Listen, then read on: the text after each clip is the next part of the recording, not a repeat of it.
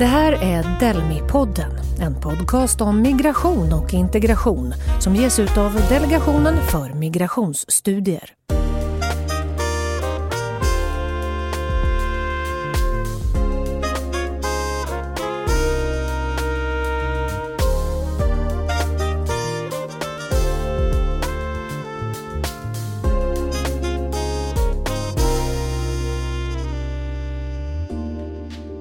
Delmi-podden är här igen och den här gången ska det handla om vad tidsbegränsade och permanenta uppehållstillstånd har för effekt på arbetsmarknaden. Jag som är programledare heter Ann-Louise Rönestålek och hälsar dig välkommen till Delmi-podden. Och vid min sida har jag Delmis Diana Sarbast. Hej Diana! Hej! Kul med ett nytt avsnitt av Delmi-podden. Ja, verkligen. Och du har ju koll på den här publikationen som vi tar avstamp i i dagens samtal, eller hur Diana? Mm, det stämmer. I våra så publicerade vi en antologi som heter Tidsbegränsade uppehållstillstånd, egen företagande och skolsegregation och den finns att läsa på delmi.se och innehåller fyra doktorsavhandlingar med olika perspektiv på utrikesföddas förutsättningar för etablering på arbetsmarknaden. Och idag så kommer vi utgå från det första kapitlet som handlar om övergången från tidsbegränsade till permanenta uppehållstillstånd. Just så, och då vet vi var det går att få tag i mer information. Tack för det. Men Diana, varför ska vi prata om olika typer av uppehållstillstånd i dagens avsnitt egentligen? Jo, men permanent uppehållstillstånd har ju varit huvudregel i Sverige fram till flyktingkrisen 2015. Och den nya utlänningslagen trädde i kraft i juli i år och det innebär att asylsökande numera beviljas tidsbegränsade uppehållstillstånd. Och för att få stanna i Sverige permanent så ställs nya krav, bland annat att kunna försörja sig själv. Så vilka integrationseffekter har tidsbegränsade kontra permanent uppehållstillstånd och hur påverkar det ens möjligheter för utbildning och arbete? Mm, aktuellt och mycket spännande och vi drar igång. Är du redo Diana? Absolut, ja. vi kör. Dags att möta dagens gäster och jag vill be er presentera er själva. Varsågoda. Ja, kul att vara här. Mitt namn är Kristoffer Jutvik och jag är forskare på Institutet för bostads och urbanforskning som är en del av Uppsala universitet och Institutet för forskning om migration, etnicitet och samhälle som är på Linköping universitet. Och jag heter Annika Sundén och jag är analyschef på Arbetsförmedlingen. Jag är också ledamot i Delmi. Varmt välkomna Kristoffer och Annika. Ja, idag ska vi alltså då prata om hur utrikesföddas deltagande i arbetsmarknaden påverkas om av hur de har det med tidsbegränsade eller permanenta uppehållstillstånd. Och Kristoffer, jag tänker att första frågan går till dig. Vi kan börja med bakgrunden. Hur var det för dig som forskare med så plötsliga förändringar av förutsättningarna? För det var ett helt annat läge när du och din kollega började titta på det här. Ja, ja det var ju verkligen det. Det var ju en helt annan tid när vi började titta på det här. Alltså den förändringen som vi tittar på är en övergång från temporära till permanenta uppehållstillstånd som gällde då bara syrier och den här skedde 2013. Så det här var, det var någon form av generös eller ja, en positiv förändring i just immigrationspolitiken. Eh, och den här utvecklingen som vi har sett efteråt, den här restriktiva vändringen i svensk migrationspolitik, då, den verkar väldigt avlägsen eftersom, precis som Diana sa tidigare, alltså, huvudregeln tidigare var eh, permanent uppehållstillstånd. Vad är det ni inte vet och vad är det som har hänt sedan ni avslutade studien? För jag förstår ju att du följer utvecklingen på området med stort intresse. Ja, det är otroligt mycket som har hänt. Ehm, det mest kännbara eller det som, ehm, ja, den största förändringen det är ju just när Eh, införandet av först den tillfälliga migrationslagstiftningen från 2016 som sedan har blivit huvudregel. Och det har gjort att våran studie som vi började skriva på innan allt det här hände, den har ju blivit mer aktuell då såklart. Eh, men också att eh, fler forskare har börjat titta på det här. Alltså, idag är ju kunskapsläget om den här nya migrationslagstiftningen relativt lågt. Och eh, för att vi ska förstå vad det här innebär då för det som man brukar kalla för integration, hur människor arbetar och deltar i samhället eh, så, så, behöver vi forska mer kring vad konsekvenserna är. Och då så är jag med i flera projekt där vi både använder oss av statistik för att undersöka konsekvenserna av den här lagstiftningen men också att vi försöker att samtala med människor alltså med flyktingar som berörs av den här politiken. För att både förstå mönster men att förstå deras specifika berättelser och upplevelser av det här också. Stora och snabba förändringar på det här området alltså. Och Diana, det har ju varit en pandemi, och den är fortfarande pågående, som påverkat allt i vårt samhälle, även detta. Jag vet att du funderar på det här. Och eh, jag vill rikta frågan till dig Annika. Mycket har ju förändrats på arbetsmarknaden under pandemin och många har förlorat sina jobb. Hur har personer med tidsbegränsade uppehållstillstånd påverkats av covid-19? Ja, personer som är utrikesfödda har, har drabbats hårt av, av pandemin när den slog till våren 2020. Och det handlar om att de branscher som drabbades hårdast är till exempel hotell och restaurang, besöksnäringen, handeln. Det är de branscher där många utrikesfödda har sina första jobb. Det är typiska ingångsjobb. Mm. Så när arbetslösheten ökade väldigt snabbt våren 2020 så var det ungdomar och utrikesfödda som, som drabbades hårdast. Mm. Annika, ser ni den här kopplingen att tidsbegränsade uppehållstillstånd försvårar etablerings och integrationsprocessen på arbetsmarknaden? Jag har sett två olika effekter bland de personer som är inskrivna vid Arbetsförmedlingen och som har kommit till Sverige under, under flyktingkrisen. För en grupp så, så, såg det ut som att det gick lite snabbare. Att man snabbare kom i arbete om man hade tillfälligt uppehållstillstånd. Och det kan ju handla om att man är angelägen om att få mm. ett jobb för att sen kunna ansöka om ett permanent uppehållstillstånd. Men vi har också sett att personer är kanske mindre villiga att, att skaffa sig en utbildning och det är många i den här gruppen som faktiskt behöver en utbildning. Så det är mm. två olika effekter. Vilka insatser skulle du rekommendera då? Ja, men personer som har kommit till Sverige och som kom under flyktingkrisen, de är ganska olika. Det finns många som har utbildning men det är också många som saknar utbildning och som saknar gymnasieutbildning och kanske bara gått några år i skola. Och då är det jätteviktigt att man får komplettera sina kompetenser för att vi har en avancerad arbetsmarknad i Sverige och alla arbetsgivare vill att man har en gymnasieutbildning. Eh, Annika, vad innebär Arbetsförmedlingens etableringsprogram? Kan du beskriva hur det går till att göra en etableringsplan som nyanländ och hur processen ändras av att ha ett tidsbegränsat uppehållstillstånd? När man kommer till Sverige eh, och när man har fått asyl så för att få rätt till etableringsersättning, också vägen in på i, i det svenska samhället eh, går via etableringsprogrammet. Så man skrivs in vid Arbetsförmedlingen och då är det ett tvåårigt program som handlar om att man får språkutbildning, SFI, man får samhällsorientering och man gör också en plan för att titta på vilka insatser behöver den här personen för att kunna etablera sig på arbetsmarknaden. Men jag funderar så här Kristoffer, du har ju tittat som vi vet på detta. Eh, kan du ge oss en, en överblick vad du har kommit fram till, eller vad du och dina kollegor ska säga har kommit fram till? Ja, men det kan jag göra. Det här är ju en, en studie som jag har skrivit tillsammans med en forskare som heter Daryl Robinson. Och, eh, det vi har gjort är att använda registerdata, alltså data från SCB eh, där vi har uppgifter om hur mycket inkomst man deklarerar, hur mycket studiemedel man använder och också om hur mycket arbetslöshetsdagar som man använder. Och det vi ser då, det är precis det som Annika sa då, att de med temporära uppehållstillstånd, de deklarerar mer inkomst och använder färre arbetslöshetsdagar. Men de med permanenta uppehållstillstånd, de istället använder mer studiebidrag. Och det här kanske inte är så jätteförvånande för att precis som vi var inne på tidigare då så om man har ett temporärt uppehållstillstånd så går vägen till ett mer permanent, ett mer permanent status går genom arbete. Och många utbildningar är ju längre än den här tiden som ett tidsbegränsat uppehållstillstånd sträcker sig så att man kanske faktiskt inte har möjlighet att studera.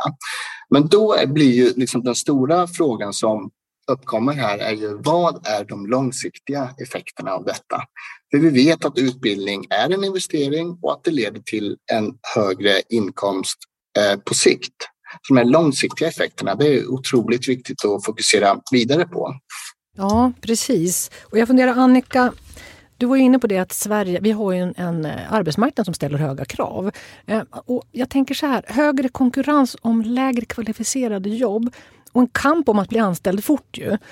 Spelar det någon roll det här med arbetslivserfarenhet och utbildning som nyanlända har med sig från hemländerna? Alltså vilka problem uppstår i den här nya konkurrenssituationen? det är ju klart att har man, om man har lite erfarenhet och lite erfarenhet från svensk arbetsmarknad och saknar ett nätverk och också kanske då saknar det som arbetsgivare efterfrågar, då får man ju svårare att konkurrera om, om jobben. Eh, och det är där Arbetsförmedling kommer in, att, som kan då hjälpa till både med det här nätverket, att ha kontakter med arbetsgivare, men också via utbildning, att man får de kompetenser som, som efterfrågas. Mm. Jag vet Kristoffer att du också vill lyfta de mjuka värdena och inte bara ekonomi. Hur påverkas nyanlända av att ha tidsbegränsade eller permanent uppehållstillstånd? Hur tänker de kring Sverige, var de jobbar, familj, jämställdhet och så vidare? Mm. Jo, men det här är ju en central fråga för mig som vi arbetar med i flera olika projekt som, som pågår nu. Så att något direkt svar på frågan har jag inte. Men det som jag vill säga här är att den här registerdatan som vi till exempel använt oss av, den, den är ju toppen men den begränsar oss också i vilka utfall vi kan titta på. Och om man just tittar på det här med uppehållstillstånd så är det ju såklart centralt eh, hur mycket man deltar i den ekonomiska delen eller liksom i arbetsmarknaden. Men det är också sådana här frågor som hur mår man? Alltså hur påverkas ens välmående av att ha ett tidsbegränsat uppehållstillstånd kontra ett permanent uppehållstillstånd? Men också om hur man planerar i liksom, familjeformationerna. Kan man skaffa barn? Kan man gifta sig? Hur, hur tänker man kring de här eh, frågorna. Liksom, hur tänker man kring jämställdhet? Vem ska arbeta i ett hushåll? Vem ska ta hand om barnet etc. Och det här finns ju såklart inte i registerdatan och där eh, så jobbar jag som sagt i flera projekt, eh, främst med Emma Holmqvist, Irene Molina och Branka Likic där vi samlar in ny data eh, som, där vi riktar oss till de här grupperna och frågar dem, liksom, hur tänker ni kring de här eh, mm aspekterna. Varför är det viktigt tycker du att få reda på det då? Jo, men jag tänker att först, den första delen är ju att allt det här hänger ihop såklart. Alltså hur man mår påverkar i vilken mån man faktiskt kan arbeta. Och om vi tänker oss att målbilden någonstans är att skapa de här hållbara städerna och hållbara samhällen, men som också är inkluderande, då måste vi veta Eh, de här sakerna och vi måste eh, som forskare då lägga tid till att samla in den här datan och faktiskt mäta effekterna av detta. En grupp som, har, har, som, som kanske står längst ifrån arbetsmarknaden där vi ser att det tar längre tid att komma in på arbetsmarknaden det är ju utrikesfödda kvinnor. Eh, och en observation som vi har gjort på Arbetsförmedlingen är att utrikesfödda kvinnor med tillfälliga uppehållstillstånd de lämnar oftare Arbetsförmedlingen, alltså lämnar arbetskraften oftare än de med permanenta uppehållstillstånd och också de med, med, högre utbildning. Och det kan ju handla om, för många av de som har kommit är ju också unga. Mm. Det kan ju handla om att, att man då blir den person som många håller på att bilda familj och har barn och att det är kvinnan då som som lämnar arbetsmarknaden för att stanna hemma och ta hand om barnen istället. Mm. Så det finns för och nackdelar med båda typer av uppehållstillstånd. Hur bör denna fråga diskuteras på politisk nivå? Tycker det är viktigt att politikerna tar till sig av dem, den forskning och de uppföljningar som, som som forskare gör och som vi gör på myndigheterna för att se vad utfallen blir. För det här, den här gruppen av personer som har kommit till Sverige, vi behöver dem på svensk mm. arbetsmarknad. Just nu har vi stor brist i många sektorer, vård, skola, omsorg men även inom data och IT. Eh, och nu har ju arbetsmarknaden kommit igång ordentligt efter pandemin och många arbetsgivare vittnar om att det är svårt att anställa. Så då är det väldigt viktigt att de personer som är som är, inte har något jobb och som är arbetslösa, att de får möjlighet att komma in på arbetsmarknaden och, och vara med och bidra. Vad tänker du om det Kristoffer? Det är ju faktiskt så att valrörelsen börjar komma igång lite så smått nu. Vilken roll kommer det här att spela, de här frågorna, tror du, i debatten? Ja, nej, men jag kan bara instämma med det som Annika säger här. Alltså, de här eh, det, vi har relativt lite kunskap om vad just konsekvenserna är. Så här tror jag att politiker behöver ta till sig av de här resultaten som kommer ut om man vill ha de här positiva aspekterna som vi tänker oss att migrationspolitiken kan tillföra till exempel fler som deltar på arbetsmarknaden. Då måste vi förstå konsekvenserna av det här. Jag tror att det kommer få stor eh, betydelse i eh, valrörelsen framöver och jag tror att det här kommer bli en, en viktig fråga. Men vi måste också tänka på att pendeln har skiftat här. Alltså det finns ett, ett, större stöd för den här typen av restriktiv migrationspolitik.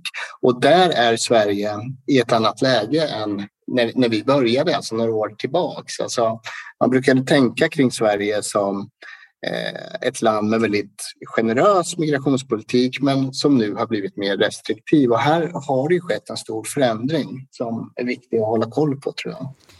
Många länder i Europa har ju som du säger en mer restriktiv migrationspolitik, inklusive Sverige. Men hur påverkar tidsbegränsade uppehållstillstånd flyktingflöden till Sverige? Detta är något du har forskat på tidigare. Mm. Det, jag tror det är en, först och främst en oerhört komplex fråga. Men givet att vi har en mer lik migrationspolitik som i Europa så finns här också en risk att länder börjar tävla med varandra om vem som är mest restriktiv just med tanken att liksom försöka minska migrationsflöden till det egna landet. Och det här står ju liksom i kontrast till andra eh, plikter som stater har som till exempel då att eh, ha ett, ett humant asylmottagande. Men jag tänker liksom, i den här studien som jag har gjort med Henrik Andersson, där har vi tittat på effekten av den, just den här policyförändringen på flyktingflöden. Och det vi ser där det är en omedelbar effekt, alltså en ökning av antalet syriska asylsökande som kom till Sverige precis efter att man införde den här mer generösa politiken. Men vi ser också att den här effekten minskar över tid. Så efter några månader så är det inte en större andel av syriska flyktingar som kommer till Sverige. Mm. Annika, jag tänker vi ska börja runda av nu. Du är ju då analyschef vid Arbetsförmedlingen. Vad känner du att du vill skicka med till lyssnarna idag? Alltså vad är det man bör ha koll på i den här frågan? Vi bör ju titta på hur arbetsmarknadsetableringen ser ut för den här gruppen och att den här gruppen har ju precis som vi inledde med drabbats hårt av pandemin och det är ju många som har hamnat längre bak i kön. Eh, när det blir fler arbetslösa så de som redan hade det svårt har hamnat längre bak mm. i kön.